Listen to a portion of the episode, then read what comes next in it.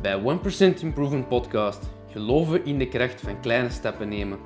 We gaan in gesprek met gepassioneerde mensen uit verschillende vakgebieden.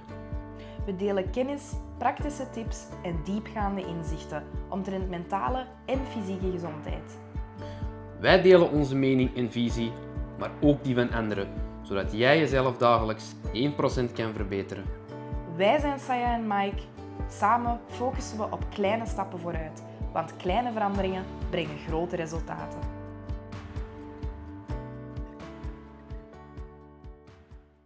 Dag lieve luisteraars en welkom bij een nieuwe aflevering van de 1% Improvement Podcast. Mijn naam is Saya en ik ben jullie host voor vandaag. Vandaag is een solo-aflevering en ik wil het heel graag met jullie hebben over zelfbeeld. Niet alleen over zelfbeeld, maar ook over zelfvertrouwen en imposter syndrome. Imposter syndrome, oftewel bedriegerscomplex. Het is misschien voor velen van jullie niet onbekend. Dus ik ga er ineens induiken. Goed, je hebt dus verschillende termen. En die verschillende termen die worden regelmatig wel eens door elkaar gehaald. Je hebt zelfvertrouwen, je hebt zelfwaardering of eigenwaarde, je hebt zelfbeeld. En dan het imposter syndroom is uiteraard um, ja, eentje dat daar nauw aan verwant is.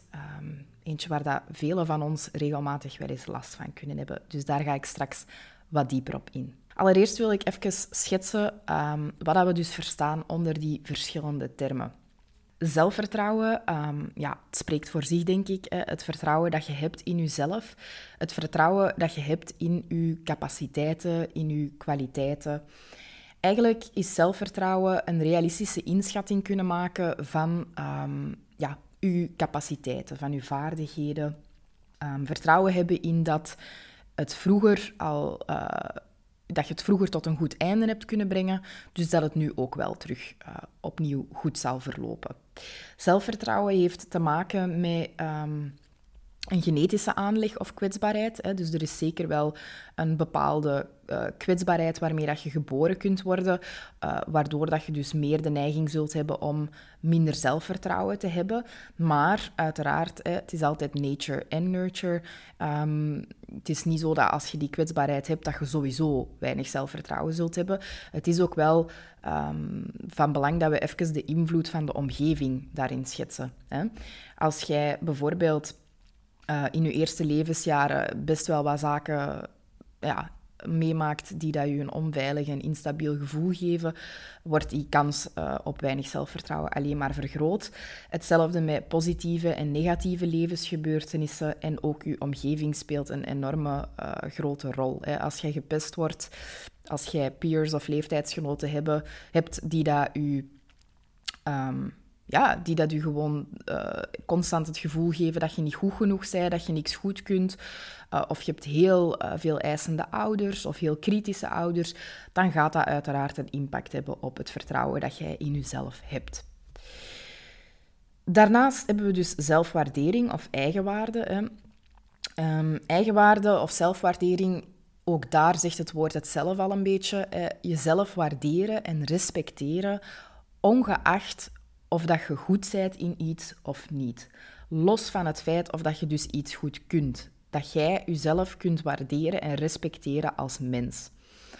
Um, vaak vinden we dat vrij gemakkelijk om dat bij andere mensen uh, te kunnen. Hè. Waarderen we de andere persoon, ongeacht of dat die nu succesvol is of niet. Um, en gaat je je vrienden of vriendinnen niet per se naar beneden halen als die eens een keer falen in iets. Um, maar wordt dat een pak een stuk moeilijker als we dat naar onszelf moeten doen. Um, en dus zelfwaardering en zelfvertrouwen hangt ook wel echt nauw uh, samen. Uh, ook dit heeft onder andere, um, is onder andere, of wordt onder andere beïnvloed door het feit of dat je uit een warm nest komt. Kom jij uit een, een gezin of een familie waarin dat je genoeg liefde en aandacht hebt gekregen voor de persoon die dat jij zijt? Of kom jij uit een familie waarin dat er um, over beschermend werd gedaan of, of heel veel waarde werd gehecht aan wat dat je kunt in plaats van wie dat je zijt. Hè. Um, heb jij vaak het gevoel gekregen dat je niet goed genoeg waart thuis? Dat zijn allemaal zaken die daar een enorme uh, impact kunnen hebben. Dan hebben we uh, zelfbeeld. Hè. Um, zelfbeeld is het beeld dat je dus eh, van jezelf hebt. Um, ziet jij jezelf als uh, minder waardig dan anderen? Of ziet je jezelf als net meer waard dan anderen? Of kun jij best wel een realistische inschatting maken van, um, ja, van hoe dat je jezelf ziet? Um, vaak zijn er mensen die dat zichzelf heel negatief en kritisch uh, toespreken en, en eh, heel negatief zijn over zichzelf. En als je dus een laag zelfbeeld hebt, dan heeft dat vaak te maken met dat je cognitieve dissonantie uit de weg gaat. Wat is dat nu juist? Dat is eigenlijk dat je op zoek gaat gaan naar uh, bevestigingen uh, voor hetgeen wat je al denkt. Hè. Dus bijvoorbeeld, je hebt de overtuiging van ja, ik ben niks waard, um, ik voeg niks toe. En als er dan bijvoorbeeld um, iemand niet naar u luistert wanneer dat jij iets bent aan het vertellen, Um, die komt heel ongeïnteresseerd over. Dan zeg jij tegen jezelf, ah, zie het wel, ik, uh, ik had gelijk, hè, ik ben niks waard, ik heb niks te bieden, mensen luisteren niet naar mij, mensen zien mij niet.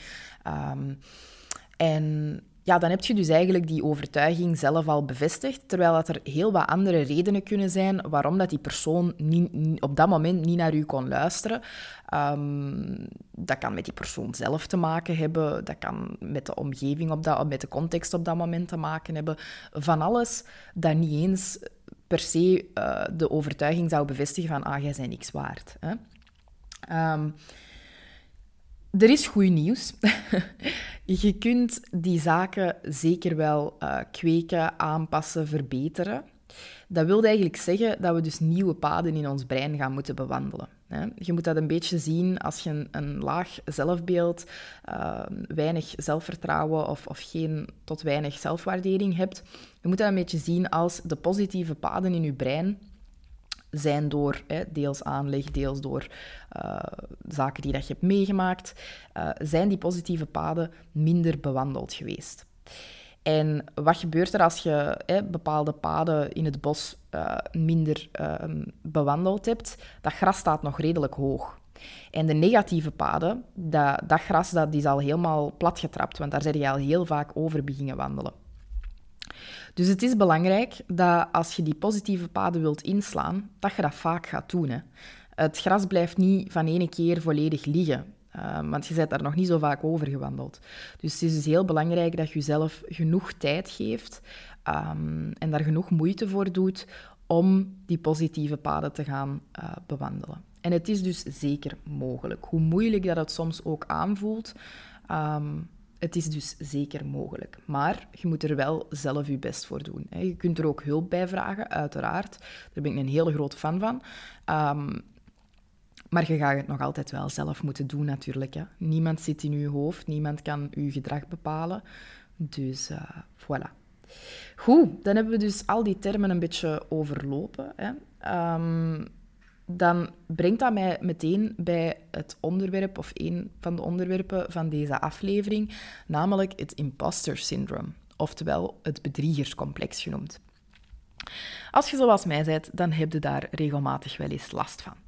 Nu, voor degenen die het niet kennen, imposter syndrome is eigenlijk um, het feit dat je rationeel gezien best wel weet dat je goed bent in wat je doet, maar op een emotioneel level heb je een onterechte angst dat je door de mand gaat vallen. Dat um, mensen gaan zien van, oei, ik ben, uh, ik ben eigenlijk totaal niet goed in wat ik doe.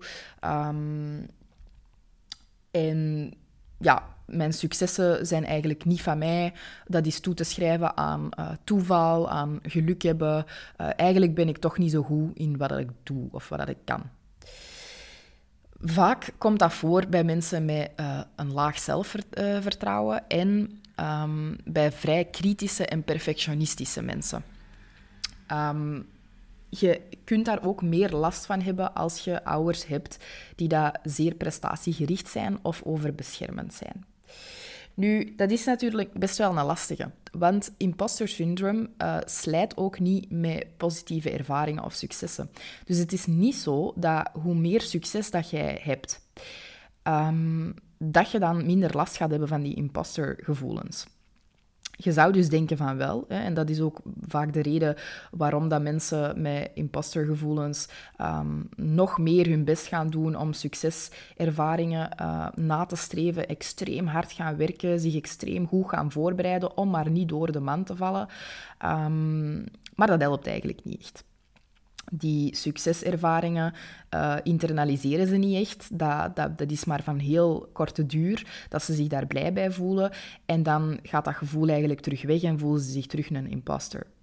Um, nu, het omgekeerde kan ook waar zijn, hè, want waar ik net een voorbeeld van gaf, is eigenlijk actieve faalangst. Je gaat extreem hard je best doen, je extreem hard voorbereiden um, om maar niet te falen. Terwijl het omgekeerde kan soms ook gebeuren bij mensen met enorm perfectionisme en impostergevoelens. Dat je eigenlijk alle uitdagingen uh, uit de weg gaat gaan en dat je net onder je niveau gaat uh, presteren, um, om maar niet te falen. Allee, om eigenlijk maar... Je gaat wel falen, hè, want dat is dan eigenlijk passieve falangst. Je gaat vrij weinig doen of je gaat onder je niveau blijven uh, van wat je eigenlijk kunt. Omdat je dan weet van ja, maar ik heb toch niet mijn best gedaan. Dus dan is het vrij logisch dat ik faal. Dus dan is het niet echt aan mijzelf toe te schrijven. Hè. Dan, je hebt eigenlijk het risico niet eens genomen. Um, bijvoorbeeld op school kun je dat vergelijken met gewoon niet eens studeren. Of zelfs niet eens uh, komen opdagen op een examen. Um, of uh, op werkvlak ga je bijvoorbeeld een job doen dat eigenlijk wel wat onder je, onder uw kunnen ligt, hè, om het veilig te spelen. En om dus zo toch maar niet teleurgesteld te worden en niet uh, ja, door de man te vallen. Hè. Bij beide uh, patronen ja, gaan die impostergevoelens niet verminderen. Nu, hoe gaat dat wel verminderen? Hè? Ik denk dat we daar allemaal naar op zoek zijn. Van hoe kun je ervoor zorgen dat je toch wat minder last krijgt van dat bedriegerscomplex? Ook deze gaat tijd vragen. Hè? Je hoort hem al aankomen. Het is nauw verwant hè, aan laag zelfvertrouwen. Um, zowel voor je zelfvertrouwen, zelfwaardering, je zelfbeeld en dat imposter syndroom te verbeteren, gaat het dus ja, tijd en moeite moeten doen. Nu, er zijn wel een aantal zaken die dat je kunt doen, uiteraard. En die ga ik nu even met jullie overlopen. Je kunt bijvoorbeeld een lijstje maken met je successen. En misschien zelfs niet alleen met je successen, hè, dus de dingen die dat je hebt, uh, hebt bereikt, maar ook met positieve punten of sterke punten van jezelf. Um, ook misschien mooie persoonlijkheidstrekken die dat, daar, um, ja, die dat ieder van ons wel heeft.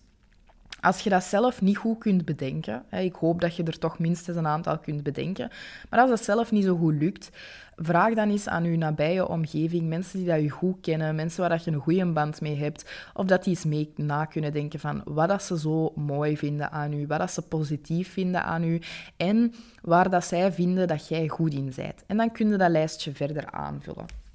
Je kunt die lijst in je gsm zetten, je kunt die uh, ophangen, je kunt dat op verschillende papiertjes, hè, dus elke eigenschap of sterke punt of succeskunde op uh, een papiertje schrijven en in een potje doen uh, en dat in het zicht zetten.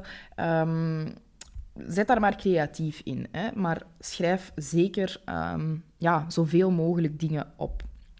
Wat je ook kunt doen, is elke dag aan het einde van een dag een aantal zaken opschrijven die dat jij die een dag bereikt hebt.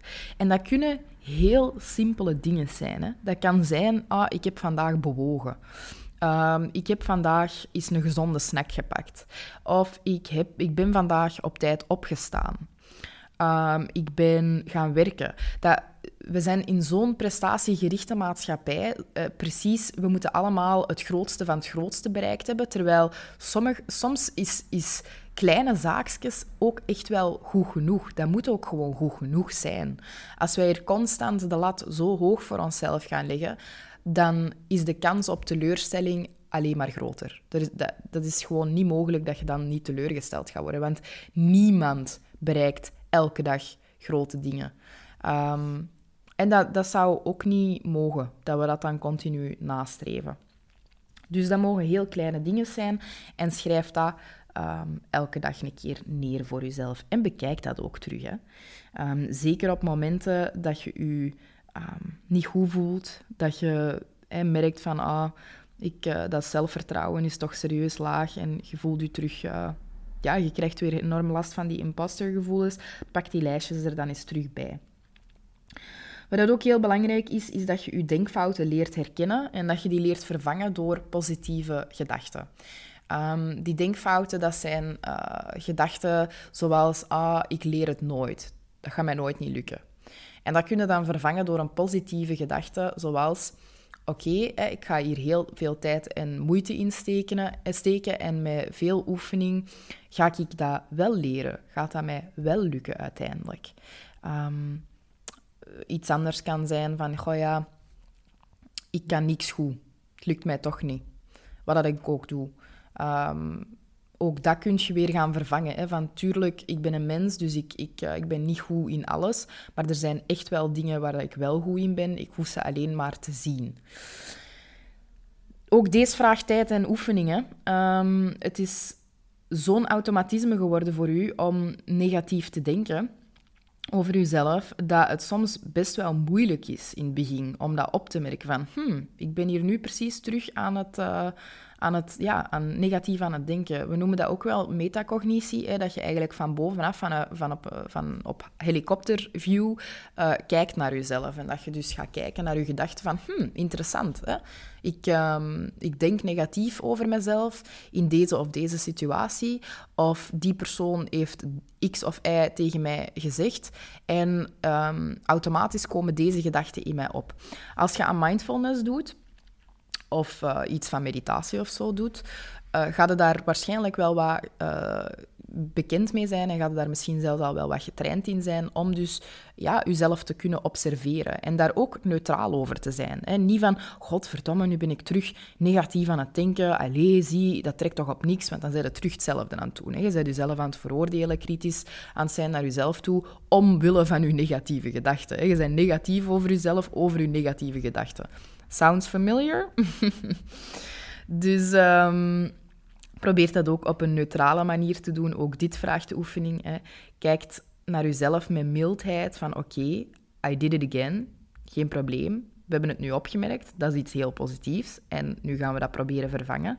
En geen probleem als dat nog eens gebeurt. Hè. Zoals ik daar straks al zei, Um, dat zijn die paden die dat jij heel een tijd, heel je leven lang al hebt bewandeld. Steeds maar negatief, negatief, negatief. En nu ga je dat proberen ombuigen naar positief. Dat is niet zo simpel. Dat vraagt tijd en oefening. Dus gun jezelf ook die tijd en die oefening om daar beter in te worden. Nog een hele belangrijke is complimenten leren aanvaarden. Hoe vaak zeg jij, als iemand zegt van, amai, dat heb je echt supergoed gedaan, zeg jij, oh nee, maar dat was no big deal, uh, iemand anders kan dat veel beter, of iemand anders had dat ook gekund, of ja, ik had gewoon geluk. Nee, aanvaard dat nu toch gewoon eens.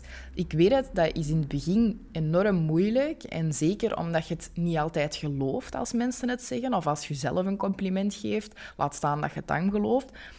Maar dat is wel de stap, of een van de grote stappen naar meer zelfvertrouwen en minder last van impostergevoelens en minder last van onzekerheid en zelftwijfel, is complimenten leren aanvaarden. Zeg dank u, en dat ga je moeten oefenen. Zeg dank u, laat een stilte, in plaats van daar direct eh, overheen te babbelen, om dan maar snel hè, dat awkward gevoel van dat niet te kunnen ontvangen te overstijgen. Hè. Nee, zeg dank u, oprecht dank u, eventueel de naam van die persoon. Zeg eventueel hoe dat je, daarbij voelt. Van, mij, merci, dat, dat geeft mij echt wel een fijn gevoel dat je dat zegt. En laat dan even een stilte om het binnen te laten komen. En dat kan heel lastig aanvoelen in het begin. En dat kan heel eng zijn en kwetsbaar aanvoelen. Um, omdat je dat ook ergens niet gewoon bent. Want je zei het gewoon om die complimenten, maar gewoon ja, weg te wuiven of daar overheen te gaan. Of snel dank u te zeggen en dan snel over iets anders te beginnen. Um, dus neem daar uw tijd voor en oefen dat. Hè. Daarnaast kun je ook oefenen in jezelf complimenten geven. Um, je kunt een complimenten bijhouden en daarin opschrijven welke complimenten dat je bijvoorbeeld die een dag hebt gekregen of uh, de complimenten die dat je jezelf wilt geven. En durf dat ook eens luidop tegen jezelf te zeggen. Uh, dat kan in de spiegel, dat kan gewoon zo. In het begin kan dat best wel zijn en, en raar zijn. Um, maar ik beloof u, hoe beter dat je daarin wordt, hoe, ja, hoe fijner dat dat ook op den duur gaat aanvoelen. Omdat je op den duur je brein heeft ook herhaling nodig. Uh, vroeger is er veel herhaald geweest dat je, dat je bijvoorbeeld eh, dingen niet kunt of het niet waard bent of um, wat dan ook, door jezelf, door je omgeving. Um, dus nu ga je positieve zaken voor jezelf moeten herhalen. En nee, dat ga je de eerste paar keren niet geloven. Maar eh, oefening baart kunst, ook hier weer. Voilà, dat zijn zo wat de voornaamste zaken waarvan ik uh, zoiets had van oké, dat wil ik jullie echt wel meegeven. Um, ik zou zeggen, ja, wees mild voor jezelf. Je bent ook maar een mens. Je doet je best. Het feit dat je deze podcast bent aan het luisteren, wilt gewoon al zeggen dat je je ja, bewust bent van um, je moeite met, met zelfvertrouwen. Um, dat je bewust bent aan het worden van je negatief zelfbeeld en van je impostergevoelens. Dat je daar iets aan wilt doen. Je bent bezig met zelfontwikkeling. Dat is al een enorm, enorm mooie stap. Een stap die dat heel veel mensen niet zetten. Um, en ik zou zeggen, als je merkt van... Goh, het lukt mij echt niet, ik loop hier zo hard in vast. Aarzel dan niet om hulp in te schakelen. Hè. Hulp vragen is zo belangrijk, dat is zo krachtig. Ik vind dat zo sterk. Dat is geen teken van zwakte, hè. dat is tegenovergestelde. Dat is zo sterk om te zeggen van kijk, het lukt mij even niet, ik wil hier hulp bij, ik wil verbeteren, kan er iemand mij helpen? Als je daar um, dus hulp bij nodig hebt, um, aarzel niet om mij een berichtje te sturen. Hè. Um, in mijn coachingspraktijk zet ik ook heel veel in op zelfvertrouwen. En uh, ja, ook impostergevoelens in de sportwereld komen heel vaak voor. Dus uh, voilà, stuur mij zeker een berichtje. Ik zet de links in de show notes. en dan wens ik u heel, heel, heel erg veel succes met te werken aan uw zelfbeeld en uw zelfvertrouwen. En heel graag tot een volgende keer. Doei! Dankjewel om tot het einde bij ons te blijven. We hopen dat deze aflevering je geïnspireerd en gemotiveerd heeft. Vond je het interessant? Abonneer dan zeker op onze podcast, deel deze aflevering met een vriend en laat ons weten wat je ervan vond op onze social media kanalen, waarvan je de links in de show notes terugvindt. Heel graag tot de volgende aflevering en onthoud, kleine stappen brengen grote resultaten.